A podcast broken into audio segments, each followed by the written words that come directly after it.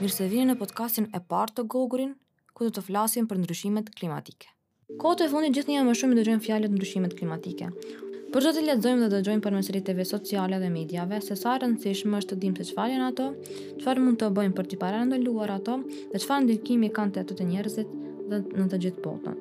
Ndryshimet klimatike janë ndryshim afatgjatë i temperaturës dhe i parashikimeve tipike të motit në një vend të caktuar, të cilat mund të lidhen me një vend të caktuar ose me planetin në tërësi. Ato mund të bëjnë që parashikimet e motit të jenë më pak të parashikueshme. Këto parashikime të papritura të motit mund ta bëjnë të vështirë mbajtjen dhe rritjen e të lashtave në rajonet e varura nga bujqësia, pasi më nuk mund të besohen temperaturat e papritura dhe nivelet e reshjeve. Ndryshimet klimatike lidhen gjithashtu edhe me ngjarje të tjera të dëmshme të motit, të tilla si uragane, përmbytje, shira dhe stuhi dimri më të shpeshta dhe më të ftohta. Në rajonet polare, ngrohja bën që pllakat e ujit dhe akullnajat të shkrihen me një ritëm të shpejtë nga sezoni në stinë. Kjo kontribuon në rritjen e nivelit të detit në rajone të ndryshme të planetit. Së bashku me zgjerimin e ujrave të oqeanit, që është rezultat i rritjes së temperaturave, ka një rritje të nivelit të detit, duke dëmtuar kështu bregdetin. Gjatë gjithë historisë së tokës, klima ka ndryshuar vazhdimisht. Kur ndodh natyrshëm, ky është një proces i ngadalshëm që ndodh gjatë qindra e mijëra vitesh.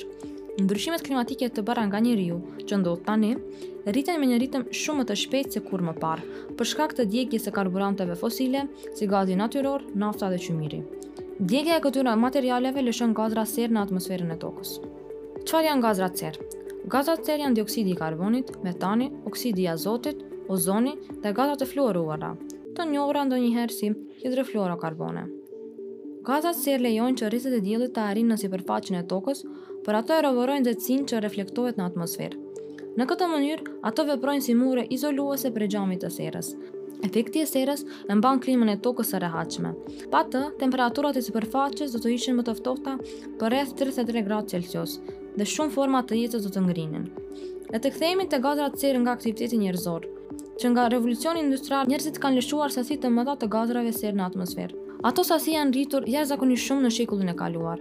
Emetimet e gazrave serë u rritën për 70% midis viteve 1970 dhe 2004. Atje këto gazra e robërojnë nxehtësinë nga rrezet e diellit në brendi të atmosferës, duke shkaktuar rritjen e temperaturës mesatare. Kjo rritje e temperaturës së planetit quhet ngrohje globale. Ngrohja globale ndikon në klimën lokale dhe rajonale. Sasia e dioksidit të karbonit në atmosferë sot e tejkalon diapazonin natyror të vërejtur në 6500 vitet e fundit.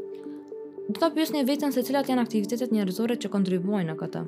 Shumica e dioksidit të karbonit që njerëzit e lëshojnë në atmosferë vjen nga djegja e lëndëve djegëse fosile të tilla si nafta, qymyri dhe gazi natyror.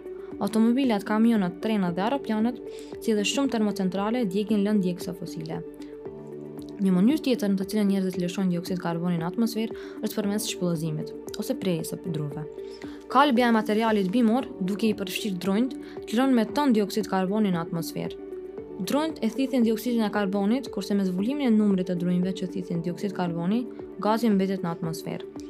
Sasia më e madhe e metanit në atmosferë vjen nga blegtoria, deponitë dhe prodhimi i karburanteve fosile, siç është gërmimi i qymyrit dhe përdorimi i gazit natyror. Oksidi nitrik vjen nga teknologjia bujqësore dhe djegja e lëndëve djegëse fosile. Të gjitha këto aktivitete njerëzore i shtojnë gazrat në atmosferë, duke kapur më shumë nxehtësi se zakonisht dhe duke kontribuar në ngrohjen globale. Madje edhe një rritje e lartë e temperaturave mesatare globale mund të ketë efekte të mëdha. Ndoshta efekti më i madh, më i dukshëm, është se akullnaja dhe akulli po shkrihen më shpejt se zakonisht. Uji i shkrirë lëshohet në oqeane, duke bërë që niveli i detit të rritet dhe oqeanet të bëhen më pak të kripur. Uji i shkrirë lëshohet në oqeane, duke bërë që niveli i detit të rritet dhe oqeanet të bëhen më pak të kripur. Akullnaja dhe akulli mbulojnë sot rreth 10% të masës tokësore të botës. Ato përmbajnë rreth 75% të ujit të freskët në botë. Nëse i gjithë ky akull shkrihet, niveli i detit do të rritet për rreth 70 metra. IPCC raportoi se niveli global i detit është rritur për 1.8 mm në vit nga 1961 deri në vitin 1993 dhe për 3.1 mm në vit nga viti 1993. Rritja e nivelit të detit mund t'i vërshojë komunitetet bregdetare, duke zhvendosur miliona njerëz nga zona të tilla si Bangladeshi, Holanda dhe shteti amerikan i Floridës. Migrimi i detyruar do t'i prek jo vetëm këto zona, por edhe rajonet te të cilat largohen refugjatët klimatik. Miliona njerëz në vende si Bolivia, Peruja dhe India varen nga uji i shkrirë akullnajor për ujë për pije, vaditje dhe energji hidroelektrike. Humbja e shpejtë e këtyre akullnajave do t'i shkatërronte këto vende. Shkrirja e akullnajave tashmë e ka ngritur pak nivelin e global të detit. Megjithatë, shkencëtarët zbulojnë mënyra në të cilat nivelet e detit mund të rriten edhe më shpejt. Për shembull, shkrirja e akullnajës Chacaltaya në Bolivi ka ekspozuar shkëmbinjtë e errët poshtë tij që thithin nxehtësi nga dielli, duke e përshpejtuar procesin e shkrirjes. Askush nuk mund ta parashikojë të ardhmen me siguri. Megjithatë, shkencëtarët mund të bëjnë vlerësime për rritjen e ardhshme të popullsisë, emetimet e gazrave serë dhe faktorët e tjerë që ndikojnë në klimën. Ata mund t'i fusin këto vlerësime në modelet kompjuterike për të gjetur efektet më të mundshme të ngrohjes globale. IPCC parashikon se emetimet e gazrave serë do të vazhdojnë të rriten në dekadat e ardhshme. Si rezultat, ata parashikojnë që temperatura mesatare globale të rritet për 0,2 gradë Celsius në dekadë. Edhe nëse i zvogëlojmë emetimet e gazrave serë në nivelet e tyre të vitit 2000, prapë se prapë mund të presim një ngrohje prej 0,1 gradë Celsius në dekadë. Gjithashtu, parashikohet që ngrohja globale të kontribuojë në disa ndryshime serioze në furnizimin me ujë në të gjithë botën. Deri nga mesi i shekullit 21, IPCC parashikon që rrjedha e lumenjve dhe disponueshmëria e ujit sipas të gjitha gjasave do të rriten në një gjerësi të madhe gjeografike dhe në disa zona tropikale. Megjithatë, shumë rajone të thata në gjerësitë e mesme dhe zona tropikale do të pësojnë shterje të burimeve ujore. Si rezultat i kësaj, miliona njerëz mund të kenë mungesë të ujit. Mungesa e ujit e zvogëlon sasinë e ujit në dispozicion për pije, energji elektrike dhe higjienë. Mungesa gjithashtu e zvogëlon sasinë e ujit që përdoret për ujitje. Prodhimi bujqësor do të ngadalësohej, ndërsa çmimet e ushqimeve do të rriteshin. Të dhënat e IPCC gjithashtu sugjerojnë se shpeshtësia e valëve të nxehtësisë dhe reshjeve ekstreme do të rritet. Ngjarjet e motit si stuhitë dhe ciklonet tropikale do të bëhen më intensive. Vetë stuhitë mund të jenë më të forta, më të shpeshta dhe më afatgjata.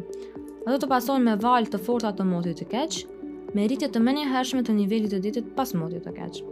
Stuhitë janë veçanërisht të dëmshme për zonat bregdetare sepse efektet e tyre zgjasin.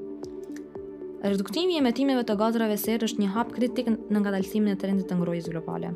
Shumë qeveri në të gjithë botën po punojnë drejt këtij qëllimi. Një nga protokollet dhe marrëveshjet e nivelit botëror është protokolli i Kyotos, i cili u miratua në vitin 1997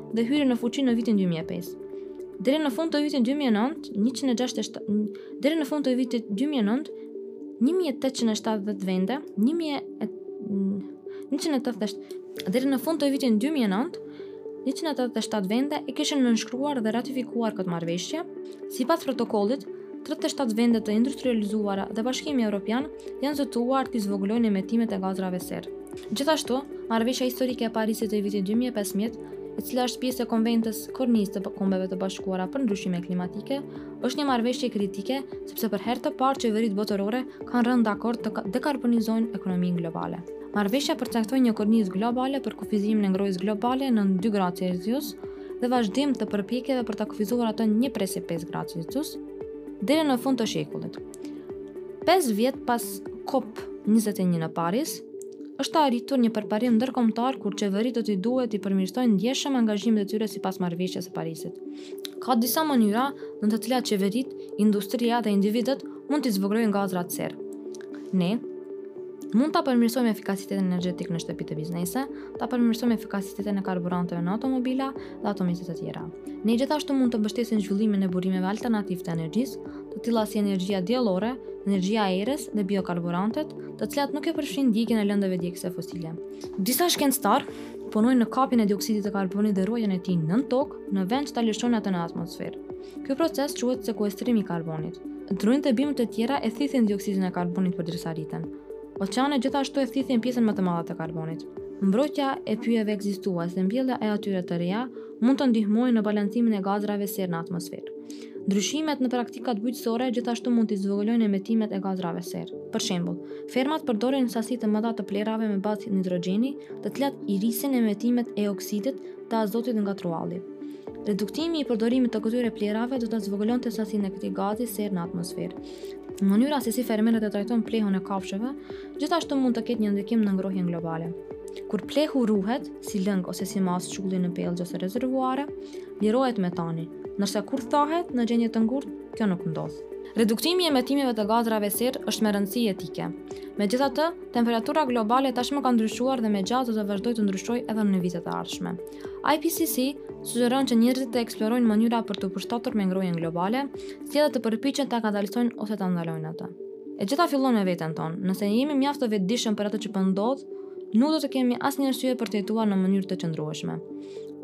Prandaj, gjëja më e rëndësishme është edukimi i drejtë.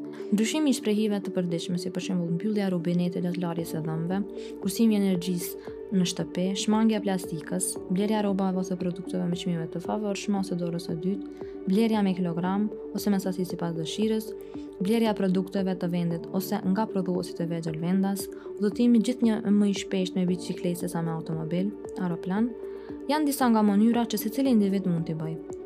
Individi gjithashtu mund të përdorë materiale të ripërdorshme, të mos e ndotë natyrën dhe të kujdeset për mjedisin siç do të kujdesej për shëndetin e tij.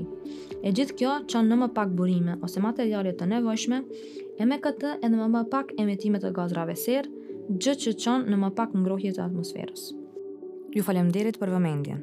Ju ftojmë të dëgjoni edhe epizodat e tjera të cilat mund t'i gjeni në website-in tonë ose në ndonjërën platformë për dëgjimin e podcasteve.